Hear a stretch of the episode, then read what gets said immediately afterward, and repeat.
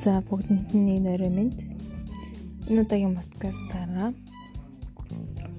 хүний эрх гэсэн ойлголтыг ярилцах болно. За хүний эрх гэх ойлголт нь нийтийн талын өмнөх 6 дугаар зууны үед эртний грекийн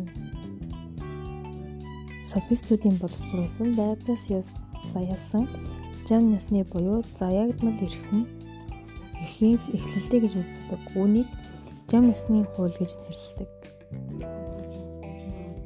Энэ сургаалаас нь эдийн талын 3 дугаар зууны үед Ромын хуульчдын жам ёсны эрх зүйн номлолоор баяжуулан улмаар 1215 онд Магни Харшти буюу эрхчлөөний Харшт хэмээх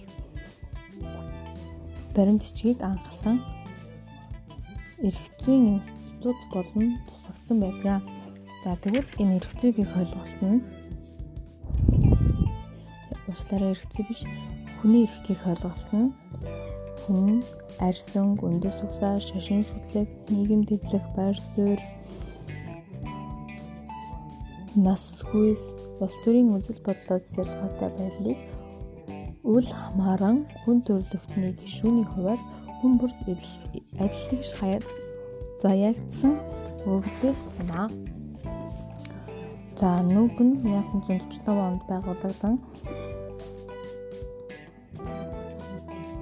нүүбээс хүний эрхийг хамгаалах олон гэрээ конвенц баталгаа гарсан байдаг. Эдгээрээс хамгийн гол баталгаа нь баримт баталгааг нь баримтчин бол баримтчин 1948 онд батлагдсан хүний эрхийн түгээмэл тухаглал юм а. За хүний эрхийн түгээмэл тухаглал хүний эрхийн дараах суурь зарчмуудыг дурдсан байдаг. Үүнд тэгш байдлыг хангах Та тэгш байдлыг хангах гэдэг маань хүн болж төрснийхөө хувьд хүн бүр ижил үн цэнтэй байж адил хүнлэгдгийг хэлнэ.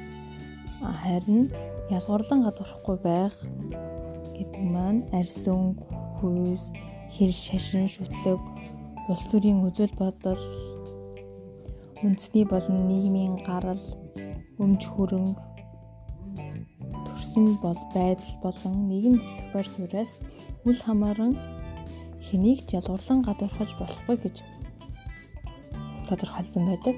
Харин түгээмэл салшгүй байх гэдэг нь хүн оршин байгаа цагт эрхийг хүнээс тусгаарлах салгах боломжгүй бөгөөд хүнээс салшгүй ойлголт юм аа.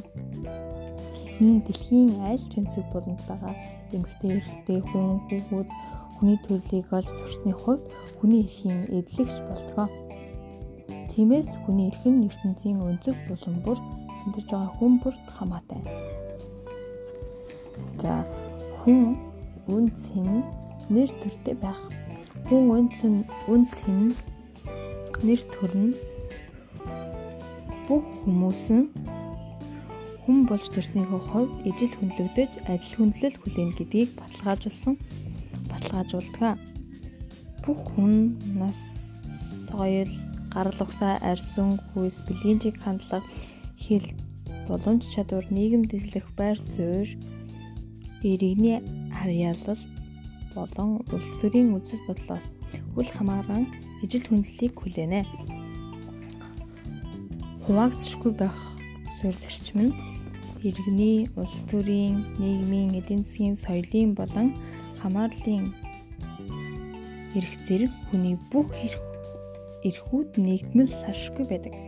Харин харилцан хамааралтай байх хүний эрх нь орон гэр, сургууль, ажлын байр, зах зээл зэрэг газар бүрт амьдралын бүхий л хүрээг хамаардаг. Өөрөөр хэлбэл аль нэг эрх нь зөрчигдүүд зөрчигдөхөд бусад бүх эрхүүд нөлөөлнө. Нөгөө талаар нэг төрлийн эрхийг хангах явдал сайжрахад өөр хүний өөр эрхийг эдлэх боломж илүү бүрддэг гэсэн үг. За. Одоо хүний эрхийн тухай маш олон хүмүүс илтгэл үг гэсэн байдаг. Үүнд Пакистан охин Малала Исүзэ би өөрийн тэр өөрийнхөө тухай хүмүүст ярьж өгөхийг хүсэж байна. Бас би боловсрал эзэмшиж байгааг эзэмшиж чадахгүй байгаа 61 сая хүүхдүүдийн өмнөөс одоо илтгэл тавьсан. А тэр За хэлэхдээ нэг хүүхэд, нэг багш, нэг үзэг, нэг ном дэлхийг өөрчилж чадна хэмээн хэлсэн байдаг. Харин 1963 онд Вашингтонд болсон иргэдийн эрхийн төлөө чагсаалын үеэр Мартин Лютер Кинг надад мөрөөдөл биелтгэлтэй миний дөрвөн хүүхэд нэгэн өдөр арьсангуур бус өөрийн чадвар чадлаараа үнэлэгдэх тийм улсад амьдраасай гэж мөрөөддөг. Гэсэн энэ нь болохоор нөгөө ялгуурлан гадуурхахгүй байх гэсэн хүний эхийн түгээмэл тунхаглын сүр зарчим байгааз.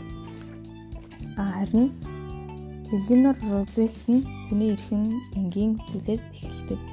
Бидний амьдарч байгаа гэр сургууль, ажил, найз нөхөд гудамж талбай гэх мэт газруудад бидний одоо эрх эдлэгдэнэ.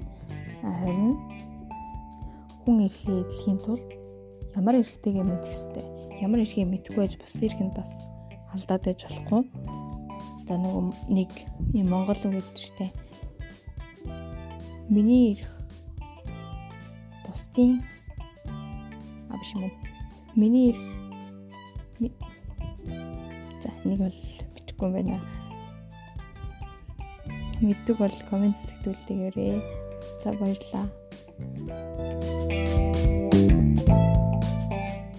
За бүгдээрээ сайн уу энэ удаагийн подкастаараа уулзж байгаадаа баяртай байна.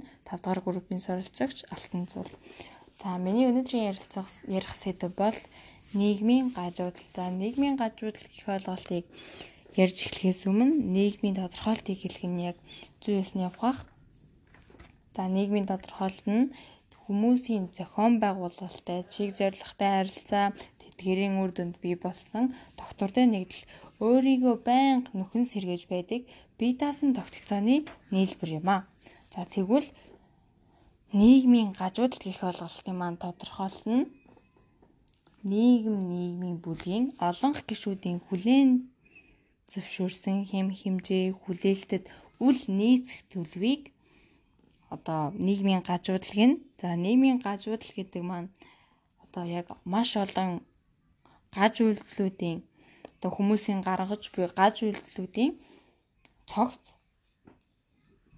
За яг гаж үйлдвэрлэл гэдэг маань тогтвортой байдлыг алдагдуулагч бүхэн нийгмийн харилцааг ганхуулан нэг төрөл байдлыг эвдэх хамтын ухамсарыг бүснүүлэн хүмүүсийг эвдэж эцсийн дүндээ гаж үйлдлийн төрөл бүрийн хэлбэрийг төрүүлдэг байна. За энэ гаж үйлдэл гэдэгт маань мансуурах, мөрийтэй тоглох, амиа хорлох, биеэ үнэлэх, архин донтох гэсэн зүйлс байдаг. За тэгвэл одоо энэ нийгмийн гажуудал гих ойлголтыг арилгахын тулд нийгмийн хяналт гих зүйлс байх ёстой. За мань одоо нийгэмд яг энэ нийгмийн хяналтын үүргийг цагдаагийн байгууллага гүйцэтгэдэг.